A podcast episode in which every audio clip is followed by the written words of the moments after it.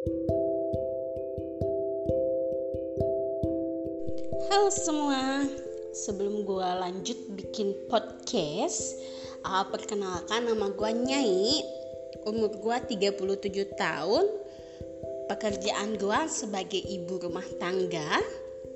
Tapi sambil nyambi Tapi nyambinya bukan nyambi haram ya. Uh, Nyambi kerja.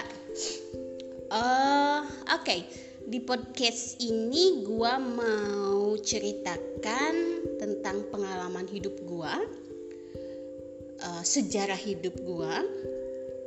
Mungkin uh, banyak orang yang nantinya akan menganggap ini aib, tapi ya inilah kisah gue. Dan gue harap nantinya orang-orang akan menerima positif uh, pesan yang gue sampaikan nanti.